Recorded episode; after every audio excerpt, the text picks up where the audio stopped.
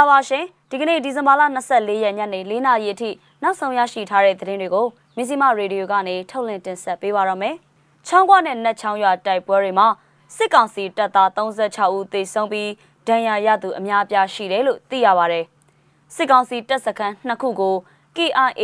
တိုက်ခိုက်သိမ်းပိုက်လိုက်ပါပြီ။တူမီကြီးလက်နက်စမ်းသက်အောင်မြင်တဲ့အကြောင်းတမူးပြည်သူ့ကာကွယ်ရေးတပ်ဖွဲ့ကပြောလာပါတယ်ဒီသတင်းတွေနဲ့အတူအကျင့်ပြတ်ချစားမှုနဲ့ထောင်ကျနေတဲ့ တောင်ကိုရီးယားသမ္မတဟောင်းလွတ်ငိန်ချမ်းသာခွင့်ရတဲ့သတင်းကိုလည်းတင်ဆက်ပေးပါမယ်ရှင်။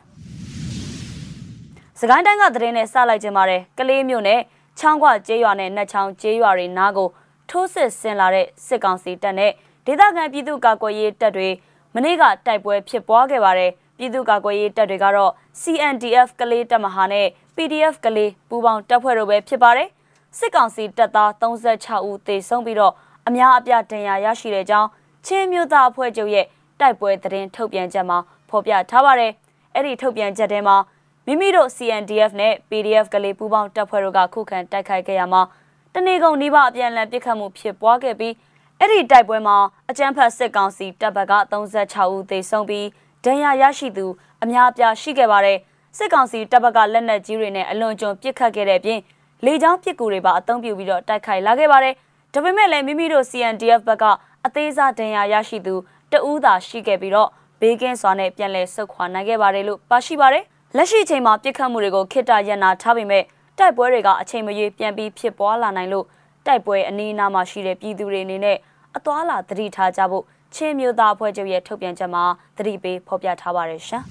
။ကချင်ပြည်နယ်မိုးကောင်းမြို့နယ်စားမော်ကျေးရွာနဲ့ကညင်မြိုင်ကျေးရွာကြားတပ်ဆွဲထားတဲ့စစ်ကောင်စီချင်းမြန်တပ်ရင်နှစ်ခုကိုကချင်လွတ်မြောက်ရေးတပ်မတော် KIA နဲ့ ပြည်သူ့ကာကွယ်ရေးတပ် PDF ပူးပေါင်းအဖွဲ့တွေကဒီကနေ့မနက်အစောပိုင်း3နာရီလောက်မှာတိုက်ခိုက်သိမ်းပိုက်ခဲ့တဲ့အကြောင်းကချင်သတင်းရင်းမြစ်တွေစီကနေသိရပါဗျ။ကချင်ပြည်နယ်ခြေဆိုင်မြောက်ပိုင်းတိုင်းစစ်ဌာနချုပ်ရဲ့အထိုင်ချင်းမြန်တပ်ရင်းနှစ်ခုဖြစ်တဲ့ခမရ383နဲ့384တို့သိမ်းပိုက်ခံရတာပဲဖြစ်ပါတယ်။အဲ့ဒီစကန်နှစ်ခုကိုသိမ်းပိုက်ပြီးမိရှုဖျက်ဆီးမှုတွေပြုလုပ်ခဲ့တဲ့အကြောင်းကချင်ပြည်လွတ်လပ်ရေးအဖွဲ့ KIO သတင်းနဲ့ပြန်ကြားရေးတာဝန်ခံဗိုလ်မှူးကြီးနော်ဘူကကချင်ပြည်နယ်ခြေဆိုင်သတင်းဌာနတွေကိုအတီးပြုဖြေဆိုခဲ့ပါတယ်။ ဒီတိုက်ခိုက်မှုကို KIA တပ်မဟာကိုလက်အောက်မှာရှိတဲ့တပ်ရင်44နဲ့ PDF ပူပေါင်းတပ်ဖွဲ့တွေကတိုက်ခိုက်ခဲ့တာလို့သိရပါတယ်။တိုက်ပွဲစဖြစ်ပြီးတော့2နာရီလောက်ကြာမှ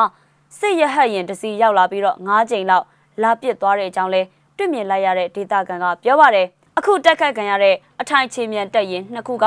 သူတို့တပ်ဖွဲ့ဝင်အများစုကိုကရင်ပြည်နယ်နဲ့တောင်ငူဒေသစီစစ်ကူပေးပို့ထားတာကြောင့်နောက်ချန်တပ်ဖွဲ့ဝင်တချို့ပဲထားရှိခဲ့တာဖြစ်တယ်လို့အမည်မဖော်လို့တဲ့ စစ်တီသတင်းရင်းမြစ်တွေစီကနေကနအူးစုံစမ်းသိရှိရပါတယ်ရှင်။စကိုင်းတိုင်းတမူးမြို့နယ်အခြေစိုက်ပြည်သူ့ကာကွယ်ရေးတပ် PDF တမူးအနေနဲ့တာမန်တူမီတနက်ထက်ပိုပြီးပြင်းထန်ထိရောက်တဲ့တူမီကြီးလက်နက်ကိုစမ်းသပ်အောင်မြင်ခဲ့ကြောင်းသိရပါတယ်။ကျွန်တော်တို့ဘက်ကစစ်ကောင်စီတပ်ဖွဲ့ဝင်တွေထက်လက်နက်အင်အားနှဲပါတော့တက်နိုင်တဲ့နီလန်းနဲ့တီထွင်ကြံစထားတာပါလို့ PDF တမူးတက်ရင်တက်ကပိုဘမန်ကပြောပါတယ်။အဲ့ဒီတူမီကြီးကကြည်စံနဲ့ပြစ်ခတ်တာမျိုးမဟုတ်ပဲ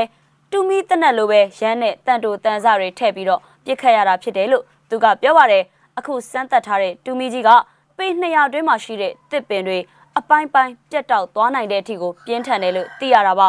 ဒီဇင်ဘာလ18ရက်နေ့တုန်းကလည်း PDF တမူတက်ရင်တစ်ကတပ်ဖွဲ့ဝင်တွေတမူမြို့ရှောင်းလမ်းမှာနေမြေရှင်းလင်းချိန်တိုက်ပွဲဖြစ်ပွားရာက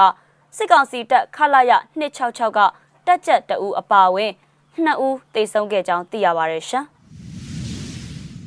တောင်ကိုရီးယားသမ္မတဟောင်းပတ်ကွန်ဟေကအကျင့်ပြတ်ချစားမှုနဲ့ထောင်ဒဏ်220ကျော်ကြာခံနေရတာပါဒါပေမဲ့အမျိုးသားစီးလုံးညီညွတ်ရေးအကျိုးကိုမျှော်ပြီးတော့ပြည်တံကိုရှော့ပေါ်ပြီးလွတ်ငြိမ်ချမ်းသာခွင့်ပေးလိုက်တဲ့အကြောင်းတရားရေးဝန်ကြီးကဒီကနေ့မှကြေညာပါတယ်ပတ်ကွန်ဟေက2023ခုနှစ်မှာတောင်ကိုရီးယားနိုင်ငံရဲ့ပထမဆုံးအမျိုးသမီးသမ္မတဖြစ်လာခဲ့တဲ့သူပါသူကအကျင့်ပြတ်ချစားမှုကင်းပြီးကျေးဇူးခံကျေးဇူးစားမရှိသူဖြစ်နေရက်တည်ခဲ့ပါတယ်ဒါပေမဲ့၄နှစ်တောင်မပြည့်တဲ့အချိန်မှာပဲ အကျင့်ပြတ်ချစားမှုအရှုပ်တော်ပုံထွက်လာပြီးတဲ့နောက်ဆွဆွဲပြစ်တင်ခံရပြီးတော့ယာဒူးကနေဖယ်ရှားခံရတာပါ